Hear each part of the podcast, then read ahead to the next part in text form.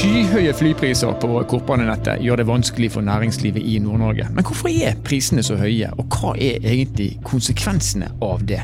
Dette er Nord-Norge i verden. Mitt navn er Stein Vidar Loftaas.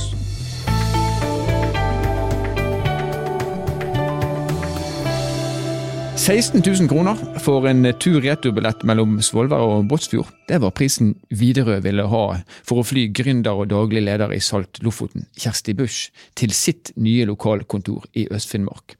Da hoppa hun like greit i bilen og kjørte de 16,5 timene istedenfor. Og nå er hun med oss her på Nord-Norge Verden, og velkommen til oss, Kjersti. Tusen takk for det. Du, eh, du, skrev i sommer en kommentar i eh, DN, Dagens Næringsliv, der du løfter frem eh, skyhøye flypriser som en hemsko for næringslivet i Nord-Norge. Men aller først, hva er grunnen til at det koster så mye å fly på kortbanenettet i nord? Nei, Hva som er grunnen, det, det må vi jo egentlig spørre videre om. Men, men, jeg legger jo merke til at når vi skal fly fra den ene ytterkanten av kortbanenettet til den andre, som f.eks. fra Svolvær til Båtsfjord, så blir det fryktelig dyrt. Så det ser ut som man priser billetten ut fra hvor mange mellomlandinger og hvor mange flybytter man har på veien. Mm. Og jeg tenker jo at mitt ønske er jo å komme fram. Jeg har ikke så stor glede av å fly med veldig mange ulike fly, og tenker at det er egentlig ikke verdt å betale for. Nei. Det skal man helst slippe, man vil jo aller helst fly direkte. Men dere er jo i en situasjon, altså Salt, bedriften din, der dere har kontorer over hele landet. Og de her prisene, eller flytilbudet for så vidt eh, som sådan, hvordan påvirker det mm, hvordan dere jobber? Det er klart det har ganske stor betydning. Nå er vi jo en bedrift som er vant til å jobbe digitalt. sånn at internt i bedriften så, så fungerer det veldig godt å møtes på Teams-møter og møtes en sjelden gang eh, fysisk. Men i forhold til å følge opp de ulike kontorene, i forhold til å bygge nettverk, så er det klart vi er avhengig av å, å fly. Mm.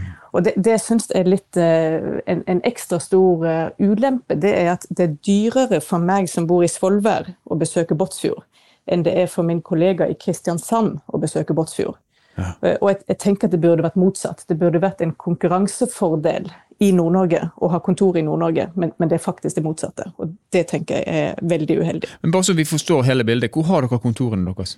Du, vi har 22 eh, ansatte som er fordelt på kontorer i Arendal, i Sandefjord, Lillehammer, Trondheim, Ramberg, Svolvær, Tromsø og Båtsfjord. Ja, Rett og slett over hele landet. Og, og, det har jo vært veldig bevisst. Altså, Vi lar folk i stor grad få lov til å bo der de vil, ja. og oppleve veldig store fordeler med det. Ja. Jeg har egentlig mest lyst til å snakke om kollektivtilbudet i Nord-Norge.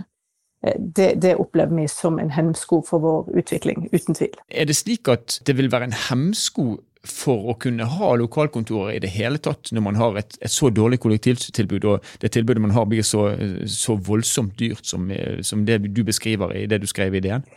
Ja, ja, det tenker jeg helt åpenbart. Eh, det, det, ene er jo at det å ha disse forretningsreisene, altså det å komme på besøk og bli kjent med, eh, med næringslivet i Båtsfjord f.eks., det blir jo veldig dyrt, og det blir noe vi må gjøre sjeldent fordi at prisen er en så stor utfordring. Eh, men, men, i tillegg så er det jo det at det er dyrt for privatpersoner. sånn at For vi som bor i Nord-Norge og som bor i distriktet, så er det òg et spørsmål om å bo her eller ei. Så når, når det å besøke familien sørpå, som er tilfellet for min del, eh, blir en så stor privatutgift, så er det òg eh, et spørsmål for mange om det faktisk er verdt å bo her. Og jeg tenker at Når man ønsker bosetting i distriktene i Nord-Norge, så er akkurat det å ha den mobiliteten Eh, helt avgjørende for om, eh, om vi kommer til å trives over lang tid. Mm. Så her kan faktisk eh, penger og kollektivtilbud direkte virke inn på den negative demografiske utviklingen som vi har sett over tid? Ja, jeg, tror faktisk det er sånn, og jeg tror at dette er en, en sånn barriere som man bør se på, og som kanskje er enda viktigere enn de Vi snakker ofte om de personrettede tiltakene, altså vi snakker om nedskriving av studielån, Eh, vi snakker for bedrifter om lavere arbeidsgiveravgift, som vi er veldig glad for. Eh, men, men når, når, selve den liksom, livsnerven, eller mobiliteten, eh, rammes av så høye priser, for dette er jo ikke litt høye priser, dette er jo en halv månedsinntekt for veldig mange, og, og mer enn det for, for andre, så blir det en, en, altså det blir en veldig tydelig barriere som jeg håper at vi kan få gjort noe med. Og så er det Widerøe som er de som tilbyr flytjenester på kortbanenettet i, i Nord-Norge. og Widerøe de peker på politikerne, og så er det ingen politikere som vil stå inne for priser på 16 000 kroner, eh, som det eksempelet mellom Svolvær og Båtsfjord. er det politikerne som har skylden, eller hvis vi skal snakke om hvem som har ansvaret her, hvordan må vi fordele det? Jeg, jeg tror det er begge deler. Og, og til politikerne så, så, tenker jeg at man må se på hvor mye, hvor mye penger bruker vi på kollektivtransport og på infrastruktur, altså transportinfrastruktur ulike steder i landet. For vi bruker jo offentlige kroner på at det skal være rimelig å ta kollektivtransport i sentrale strøk. Så, så man, man, må se på hvor stor, eh, hvor stor, offentlig finansiering skal ligge til grunn i, når det gjelder kortbanenettet. Og et veldig viktig poeng er jo at dette er vårt kollektivtilbud. Altså det er litt rart å snakke om lavere flypriser, men vi har ingen reelle alternativer når det gjelder persontransport i Nord-Norge. Så, så liksom å se på dette som vårt kollektivtilbud, og se hva er det som er rimelig at staten er med å finansiere, det er den ene sida av saken. Men, men, når det gjelder Widerøe, så, så syns jeg jo at de bør utfordres mer enn de gjør i dag. For de har jo monopol på dette kollektivtilbudet. Og dermed så står de liksom fritt til å prise sine flyvninger eh, uten at de møter konkurranse på det. Og da syns jeg jo at den prisen som vi her nevner, 16 000 tur-retur, den er for dyr. Og det bør være udiskutabelt.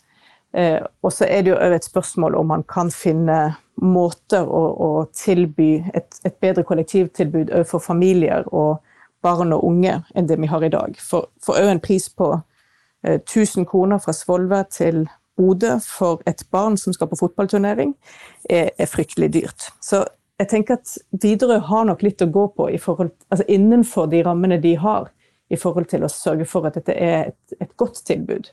Men, men, det kan godt være at politikerne må på banen for å få ned på en måte totalkostnaden for vi som bor her. Du har vært inne på det allerede, Kjersti, men hvis vi skal prøve å skissere en, en løsning, hva, hva, vil du si forslaget til løsning er? Jeg tror løsningen ligger i at vi som bor i Nord-Norge må gå sammen for å påvirke både videre og politikere, og få fram at dette er vårt kollektivtilbud, og argumentere ut fra det. Og så bør vi se på hvor mye staten bruker på kollektivtransport andre steder, sammenligne det med hva som brukes her, eh, og samtidig eh, stille videre til ansvar i forhold til de, de mulighetene de har til å påvirke eh, kollektivprisene i Nord-Norge. Så legger vi for sikkerhets skyld til at nå er det to mennesker med dialekt fra en helt annen plass i landet som snakker, men vi bor her og har bodd her lenge begge to, så vi kjenner på dette problemet. Tusen takk for at du kunne være med oss, eh, Kjersti Busch. Takk for nå.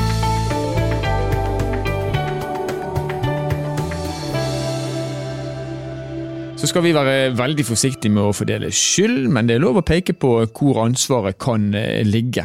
Og Under Nord-Norge-dagen under Arendalsuka så var Widerøe-sjef Stein Nilsen i hvert fall ikke i tvil om hvor ansvaret ligger. Nei, jeg syns også det er altfor dyrt.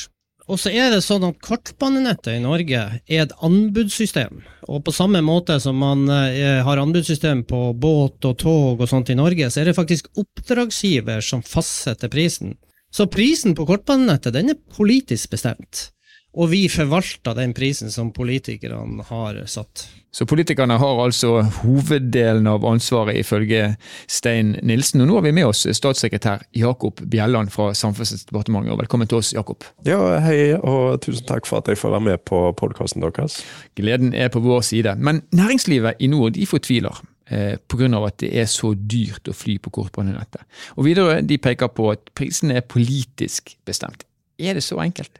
Ja, altså det er jo ikke sånn at prisene egentlig er politisk bestemt. og Jeg tror det er litt sånn viktig å rydde i uh, hvordan den prisstrukturen og hvordan prisene uh, kommer fram. Uh, altså for, for, disse rutene som der, der staten kjøper flyrute i Nord-Norge eller bidrar økonomisk, så er det jo sånn at vi setter en maksimal pris og også noen sosiale rabatter i tillegg.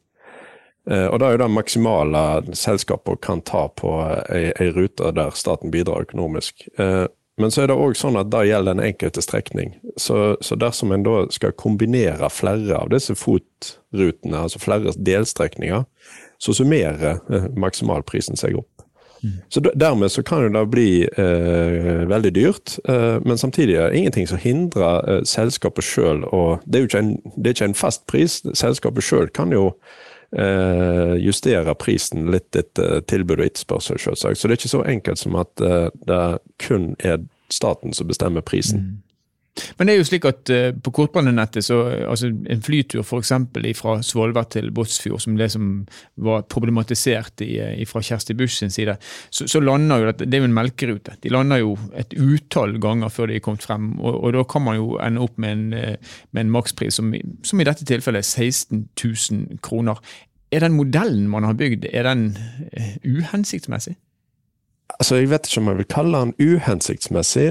for da dette er jo eh, et veldig viktig tilbud som, som, staten er med og bidrar til å holde, holde liv i, i, flyrutene og eh, syte for at det er mulig å reise eh, med fly i, i nord. Vi er jo veldig klar over hvor viktig det er med fly i deler av eller stort sett hele Nord-Norge, både for folk og for, for næringsliv. Men så er det jo selvsagt sånn at en kan nok diskutere om en kan sette krav til på en måte makspriser på kombinerte strekninger. Eh, men så er det jo noen utfordringer med det òg, for i den grad du er innom kommersielle ruter, så, så er det jo selvsagt den kommersielle operatøren som, som Der har jo ikke staten noe med egentlig kan gå inn og, inn og styre.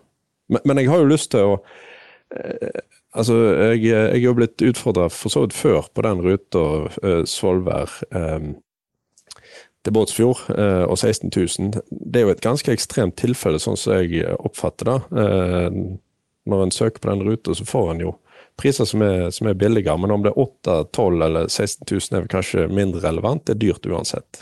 Du, og Da ligger det vel i det at du, du har forståelse for at, eh, at, næringslivet, som i dette tilfellet, reagerer på at man har en slik prisstruktur og en slik mekanikk? Ja, absolutt. Med, med, jeg har stor forståelse, eller vi, får man si, eh, i departementet og regjeringa har stor forståelse for at det, det, blir dyrt, og at det er en, åpenbart en ulempe for de som driver eh, næringsvirksomhet eh, langs kysten og, og, andre mer ja, ikke de mest sentrale delene av Nord-Norge.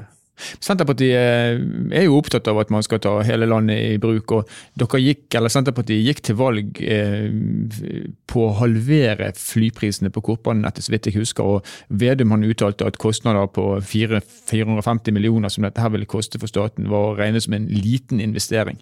Men i stedet for så ble flypassasjeravgiften gjeninnført, og prisene har gått opp. Eh, holder dere ikke løftene deres, eller hva er det som gjør at vi ender ut eh, med dette? Ja, det er jo rett som du sier, at vi gikk jo til valg på eh, egentlig bedre tilbud. Både flere avganger og lavere priser. Og det står jo òg i regjeringsplattformen, i Hurdalsplattformen, at vi vil øke frekvensen og òg få ned prisene. Men så er det sånn at det var et anbud allerede ute når vi tiltrådte, eh, som, som, på en måte de nye rutene ble satt i drift fra 1.4 i år. Eh, og så skal det neste anbud ut, med oppstart fra 1.4.2024, altså neste anbud for FOT-rute. Og det vi har eh, sagt, og, og er jo at vi, vi, vi, fokuserer på den, og det er da vi kommer til å gjøre de endringene som vi tar sikte på å gjøre. Altså, så, så det er greit, jeg forstår folk er utålmodige, men en får ikke løst alt på uh, med en gang. Mm. Hvordan tenker dere at, uh, at vil, prisstrukturen vil se ut da etter, etter en slik anbuds, anbudsprosess? Altså, Det er for tidlig å konkludere med nå. Uh, nå har vi nå blir det gjennomført en sånn ekstern eh, transportfaglig utgreiing, som det heter. Vi har fått innspill fra de ulike fylkene allerede, og det kommer nok eh, gjerne til å bli bedt om nye innspill. Og så må jo vi vurdere, for det er jo det jo sånn at uh, vi, vi, må jo prioritere det som er viktigst for folk og næringsliv der som, der som disse rutene er. Uh, så, dermed, så om, vi skal fokusere mest på flere fly, altså økt frekvens, eller om pris er viktigst, det er jo ting som vi må ta inn de innspillene vi har fått, uh, eller har fått og får, før vi avgjør det. Men her er det altså slik at Senterpartiet de, har, de akter å stå ved de, de, de løftene de har gitt, og etter 2024 så vil vi da se en endring i dette. her. Ja, nå vil jeg først si Det er regjeringa som, som setter, setter, opp disse rutene og bestemmer eh, hvordan, eh, hvordan, den strukturen blir seende ut. og eh, Jeg regner med at folk forstår jeg kan ikke garantere eller på en måte si hvordan det blir, men eh, både i regjeringserklæringen og det vi har meldt utad, så, så, så, er det jo åpenbart at vi har en ambisjon om å, om å gjøre tilbudet bedre. Viktig presisering der. Tusen takk for at du kunne være med oss, eh, statssekretær Jakob Bjelland fra Samferdselsdepartementet. Takk skal du ha. Så da ble bildet, i hvert fall eh, for min egen del, ganske mye tydeligere og klarere. Altså Vi er i en situasjon der det er for dyrt å fly på kortbanenettet i Nord-Norge. Samtidig så er vi avhengig av å fly på kortbanenettet i Nord-Norge fordi at kollektivtilbudet er så mye dårligere enn i veldig mange andre steder i landet. Og så har ikke da regjeringen eh, greid å gjennomføre det løftet som i hvert fall Senterpartiet ga inn i valget om halvering, men det er en logisk forklaring på det. Man må ha respekt for de anbudene som har vært ute og de kontraktene man står i. Og så hører vi Jakob eh, Bjelland da tydelig si at neste anbudsprosess, og da snakker vi om 2024, så vil man bygge inn det som da var et valgløfte. Og Så får vi se om det kommer ut igjen på andre siden som vesentlig lavere priser, eller om det kommer ut som et mye mye bedre rutetilbud, eller kanskje noe som, eh, som tar opp i seg litt av begge deler. Det blir spennende å se. Og så er det i hvert fall betryggende da å vite at eh, noe kommer til å skje. Nord-Norge i verden er en podkastserie som er laga av Sparebank1 Nord-Norge i samarbeid med Helt Digital. Musikken du har hørt er laga av Emil Karlsen. Mitt navn er Stein Vidar Loftaas. Vi høres igjen i neste episode.